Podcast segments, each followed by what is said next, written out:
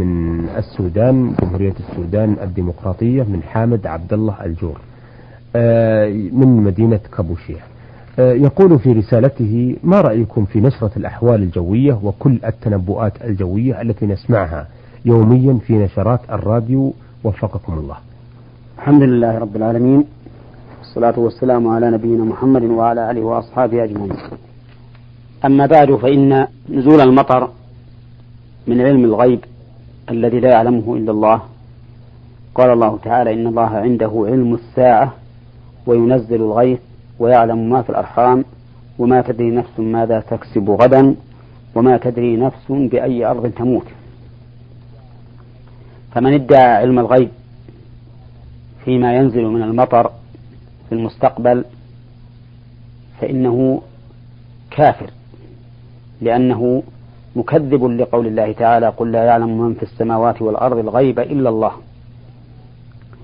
وأما من أخبر بنزول مطر أو توقع نزول مطر في المستقبل بناء على ما تقتضيه الآلات الدقيقة التي يقاس بها أو تقاس بها أحوال الجو فيعلم الخبيرون بذلك أن الجو مهيأ لسقوط الأمطار فإن هذا ليس من علم الغيب بل هو مستند إلى أمر محسوس نعم. والشيء المستند إلى أمر محسوس لا يقال إنه من علم الغيب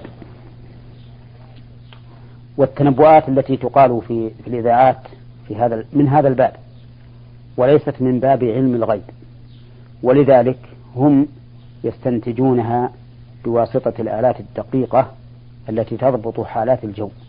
وليسوا مثلا يخبرونك بأنه سينزل المطر بعد كذا سنة وبمقدار معين لأن هذه الوسائل الآلات لم تصل بعد إلى حد تدرك به ما لا يكون من حوادث الجو.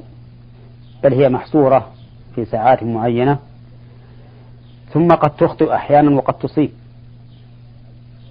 أما علم الغيب فهو الذي يستند إلى مجرد العلم فقط بدون وسيلة محسوسة نعم. وهذا لا يعلمه إلا الله عز وجل وبهذه المناسبة أود أن أقول إنه يجب أن يعلم بأن ما جاء في كتاب الله أو فيما صح عن رسوله صلى الله عليه وسلم من الأمور الإخبارية فإنه لا يمكن أبدا أن يكذبها الواقع. لأن الواقع أمر يقيني.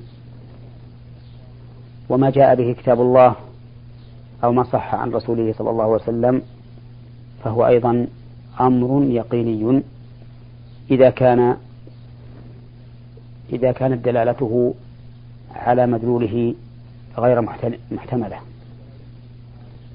ولا يمكن التعارض بين يقينين نعم. لأن اليقيني قطعي ولا تعارض بين قطعيين وعلى هذا فإذا وجدنا آية في كتاب الله ظاهرها كذا ولكن الواقع يخالف الظاهر فيما يبدو لنا. فإنه يجب أن نعرف أن هذا الظاهر ليس هو ما أراده الله عز وجل لأنه لا يمكن أبدا أن يكون الواقع المحسوس مكذبا للقرآن أبدا. بل إن القرآن نزل من عند الله عز وجل وهو العليم الخبير الصادق فيما يقول. فبعض الناس يظن أن هذه التنبؤات مخالفة لقوله تعالى إن الله عنده علم الساعة وينزل الغيث ويعلم ما في الأرحام. والحقيقة أنها لا تعارضها لأنه كما أشرنا إليه إنما يعارضها لو كانوا يحكمون بهذه الأمور بمجرد العلم ولكنهم هم يحكمونها بواسطة آلات محسوسة يتبين بها حال الجو وهو وهل هو مهيأ للأمطار أو ليس بمهيأ. ومثل هذا ما نقل أخيرا من كونهم يعلمون ما في البطن. ما في الأرحام من ذكر أو أنثى. نعم. يعرفون أنه ذكر أو أنه أنثى. فإن بعض الناس يظن أنه معارض لقوله تعالى ويعلم ما في الأرحام. وفي الحقيقة أنه إذا ثبت ذلك فإنه لا يعارض هذه الآية. لأن قوله ويعلم ما في الأرحام ما اسم موصول يقتضي العموم. وهو شامل لكل ما يتعلق بهذا الجنين. ومن المعلوم أن أحدا لا يستطيع أن يدعي أنه يعلم أن هذا الجنين سيخرج حيا أو ميتا. أو أنه إذا خرج حيا سيبقى مدة طويلة أو يموت بعد زمن قصير. أو أن هذا الجنين إذا خرج إلى الدنيا وعاش هل يكون غنيا أو فقيرا؟ وهل يكون صالحا أو فاسدا؟ وهل هو شقي أو سعيد. ثم لا يدعي أحد أن يعلم هل هو ذكر أو أنثى قبل أن يخلق وتتبين ذكورته وأنوثته. فمتعلق العلم بما في الأرحام ليس خاصا بالذكورة والأنوثة بعد أن يخلق الجنين في بطن أمه. لأنه إذا خلق فإنه يمكن أن يعلم به والملك الذي موكل بالأرحام يقول أذكر أو أنثى ويعلم أنه ذكر أو أنثى. فتبين بهذا أن أن ما ذكر إذا صح أنهم استطاعوا أن يعرفوا كون الجنين ذكرا أم أنثى فإنه لا يعارض الآية. نعم لساعة متعلق علم ما في الأرحام. لأنه ليس خاصا بكونه ذكرا أو أنثى. نعم. آه سؤاله الثاني يقول فيه سمعت أو قرأت عن تلك الوصية التي تلقاها الشيخ أحمد حارس الحرم آه النبوي الشريف وهو نائم من رسول الله صلى الله عليه وسلم يريد بها تنبيه المسلمين في تقليل الفساد واتباع الطريق القويم إلى آخره. ثم قرأت كتابا صادرا عن مؤسسة في المملكة العربية يكذب تلك الوصية. فما هي الحقيقة أصلا؟ وفقكم الله. الحقيقة أصلا أن هذه الرؤيا المنامية كانت تشاع وتذاع من قبل أكثر من مئة سنة. وقد تكلم عليها الشيخ محمد رشيد رضا رحمه الله وبين أنها مكذوبة وباطلة. وكذلك أيضا في المملكة العربية السعودية تكلم علماؤها على هذه الوصية وبينوا أنها باطلة ومكذوبة. وهذا هو الحق. نعم. وإذا كان لابد لقبول الخبر من معرفة المخبر به وكونه عدلا غير متهم فكذلك هذه المسألة. فمن هو أحمد؟ الشيخ أحمد خادم الحرم. وما حاله؟ وهل هو ثقة أو غير ثقة؟ ثم إن هذه الوصية تقتضي أن يكون الدين غير كامل. والنبي عليه الصلاة والسلام ما توفاه الله حتى أتم به الدين. وحتى كانت المواعظ الموجودة في كتاب الله وفيما صح عن رسول الله صلى الله عليه وسلم كافية للأمة مقومة لعقائدهم وعباداتهم وأخلاقهم ومناهجهم في حياتهم. فليسوا بحاجة إلى مثل هذه الرؤيا المنامية المجهول صاحبها عينا وحالا. ولهذا لا يجوز للمسلم أن يعتبرها صحيحة ولا أن يشيعها بين الناس بل عليه أن يمزقها ويحرقها سواء أتت إليه أو رآها عند غيره إذا تمكن من ذلك وإلا فلينصحه في إحراقها وإتلافها. نعم. نعم. آه، أيضا هل ما جاء فيها حصل فعلا أم لا؟ لأنه ذكر أنها ستقوم الساعة وكذا وكذا إلى آخره. أنا ما يحضرني ما الذي جاء نعم. فيها لكن نتكلم عنها أصلا لم تصح. نعم. فإذا كان لم تصح أصلا جملة وتفصيلا. نعم. هنا. سؤاله الآخر يقول ما حكم من حج ولم يأتي بركعتي الطواف؟ الصحيح أن ركعتي الطواف ليست ركنا من أركان الحج ولا العمرة. وإنما هي من الأمور التي أمر بها. فإن النبي صلى الله عليه وسلم لما انتهى من طوافه تقدم إلى مقام إبراهيم فقرأ واتخذوا من مقام إبراهيم مصلى. والذي نرى أن من حج ولم يأتي بهما فإن صلاته فإن حجه تام بمعنى أنه لا يجب عليه إعادته ولا يجب عليه في ذلك دم. والله أعلم. السؤال الرابع يقول كان أحد الأئمة مسافرا آه، يعني يريد لأنه يقول ووضع نية السفر في قلبه ثم أتت صلاة العشاء فصلى بالجماعة آه، ركعتين لأنه اعتبر نفسه قاصرا ثم سلم وبعده قام الذين صلى بهم وأتى كل بركعتي بركعتيه كل على حدة. فهل هذه الصلاة صحيحة أم لا؟ ومتى يبدأ الإنسان في قصر الصلاة للمسافة التي يجب فيها القصر؟ هل عند وضع النية أم عند الشروع في السفر؟ أفيدوني أثابكم الله. فعل هذا الإمام ليس بصواب فيما نرى. نعم. لأن رخص السفر لا تبتدئ إلا بالشروع في السفر. فإن الله تعالى يقول وإذا ضربتم في الأرض فليس عليكم جناح أن تقصروا من الصلاة.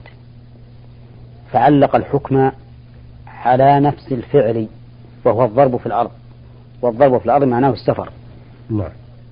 وعلى هذا فلا يجوز للمسافر أن يقصر ما دام في البلد حتى يخرج منها.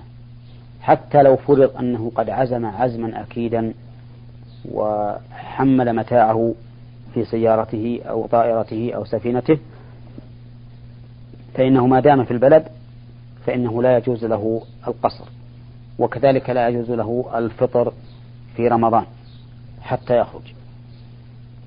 نعم لو فرض أنه سافر بطائرة أو في سفينة وكانت الميناء أو المطار خارج البلد فإنه يعتبر قد خرج من البلد. لأنه إذا كان المطار بعيدا عن البلد فليس يعزى إليه. كذلك إذا كانت الميناء لا تعد من البلد فإنه يكون قد خرج من البلد. فله أن يقصر ما دام في انتظار الطائرة أو السفينة نعم. آه، أيضا يقول هل هذه الصلاة صحيحة أن كل شخص يصلي وحده أم لا؟ لأن صلى الإمام بهم ركعتين ثم سلم وقام كل شخص يصلي لوحده. يعني هذا مبني على السؤال الأول؟ إيه نعم. صلاة الذين الذين أتموا أربعا صحيحة. لكن صلاة الإمام فيما نرى غير صحيحة. نعم. فيجب عليه إعادتها ولو الآن. حتى لو الآن يعيدها لا حرج. نعم. نعم. لكن أليست صلاة الجماعة معلقة بصلاة الإمام؟ فإذا كانت صلاة الإمام باطلة. صلاة المأمومين معلقة بصلاة الإمام لكنه على القول الصحيح لا تبطل صلاتهم ببطلان صلاته إلا إذا فعل المبطل واقتدوا به وهم يعلمون أن صلاته باطلة. نعم. فحينئذ لا تصح صلاتهم لأنهم اقتدوا بإمام يعتقدون بطلان صلاته فيكون هذا من باب العبث واللهو. أما إذا بطلت صلاته بأمر خفي لا يعلم به المأمومون فإن المأمومين معذورون ولا تبطل صلاتهم بذلك. نعم. كما لو أحدث في أثناء الصلاة. مثلا واستمر في صلاته. وإن كان هذا حراما عليه ولا يجوز ولكن لنفرض أنه آه، لعبت عليه نفسه وقال لا أستطيع أن أنصرف أخجل من الناس وبقي يصلي يتم صلاته بهم وهو محدث فإن صلاة المأمومين تكون صحيحة. وكذلك لو كان ناسيا أنه محدث فابتدأ بهم الصلاة وهو محدث ناسيا ثم ذكر في أثناء الصلاة أنه ليس على وضوء ولكنه استمر في صلاته فإن صلاة المأمومين تكون صحيحة. نعم. وكذلك أيضا لو ذكر في أثناء الصلاة أنه ليس على وضوء ثم انصرف من صلاته ليتوضأ فإن صلاة المأمومين تبقى صحيحة. فإن كان قد خلف من يكمل بهم الصلاة صل أتموها خلف هذا النائب وإن لم يخلف صلى كل واحد لنفسه ما بقي من صلاته أو دفعوا أحدهم فأتم بهم الصلاة. نعم. أيضا يقول في سؤاله نريد أو متى يبدأ الإنسان في قصر الصلاة للمسافة التي يجب فيها القصر؟ كلمة يجب فيها القصر. نعم. هل يجب أم؟ يبتدئ. نعم. يبتدئ الإنسان القصر في الصلاة إذا فارق القرية. يعني إذا خرج من حدود البلد الذي هو ساكن فيه وإن كان يرى البلد. نعم. فإنه لا يضر. المهم إذا خرج من حدوده فإنه يعتبر خرج إلى السفر الآن وفارق محل الإقامة فيبدأ أحكام السفر. من قص الصلاة والفطر في رمضان وغير ذلك من أحكام السفر المعروفة. نعم. وأما تعبيره بكلمة يجب القصر فهذه الكلمة إن صدرت من شخص عامي فإن العوام لا يفرقون بين القصر بين كلمة يجب وكلمة يثن وكلمة يجوز. يعبرون عن الوجوب أحيانا بما هو بما هو سنة وبما هو جائز. نعم. وإن كان هذا المعبر طالب علم فإنه من الذين يرون وجوب القصر في السفر. والمسألة فيها خلاف بين أهل العلم. فمنهم من أهل العلم من يرى أن القصر في السفر واجب لما ثبت في صحيح البخاري من حديث عائشة أن أول ما فرض الصلاة كانت ركعتين فلما هاجر النبي صلى الله عليه وسلم زيد في صلاة الحضر وبقيت وأقرت صلاة السفر على الفريضة الأولى. ولهم أدلة كثيرة تدل على وجوب القصر في السفر ولكن جمهور أهل العلم على أن القصر في السفر ليس بواجب وإنما هو سنة صدق تصدق الله بها على عباده فقبولها منهم سنة ومشروع. نعم. والله أعلم. شكرا أثابكم الله. أيها المستمعون الكرام إلى هنا نأتي إلى نهاية لقائنا هذا الذي عرضنا فيه أسئلة المستمع حامد عبد الله الجور من السودان كابوشيه. ويسأل عن نشرة الأحوال الجوية ووصية أحمد خادم مسجد الرسول صلى الله عليه وسلم وصلاة القصر. عرضنا الأسئلة والاستفسارات التي وردت في رسائله على في رسالته على الشيخ محمد بن صالح عثيمين الأستاذ بجامعة الإمام محمد بن سعود الإسلامية في القصيم وإمام وخطيب الجامع الكبير بمدينة عنيزة. شكرا للشيخ محمد وشكرا لكم أيها الأخوة وإلى أن نلتقي بحضراتكم نستودعكم الله. والسلام عليكم ورحمة الله وبركاته. نور على الدرب. برنامج يومي يجيب فيه أصحاب الفضيلة العلماء على أسئلة المستمعين الدينية والاجتماعية. البرنامج من تقديم وتنفيذ سليمان محمد الشبانة.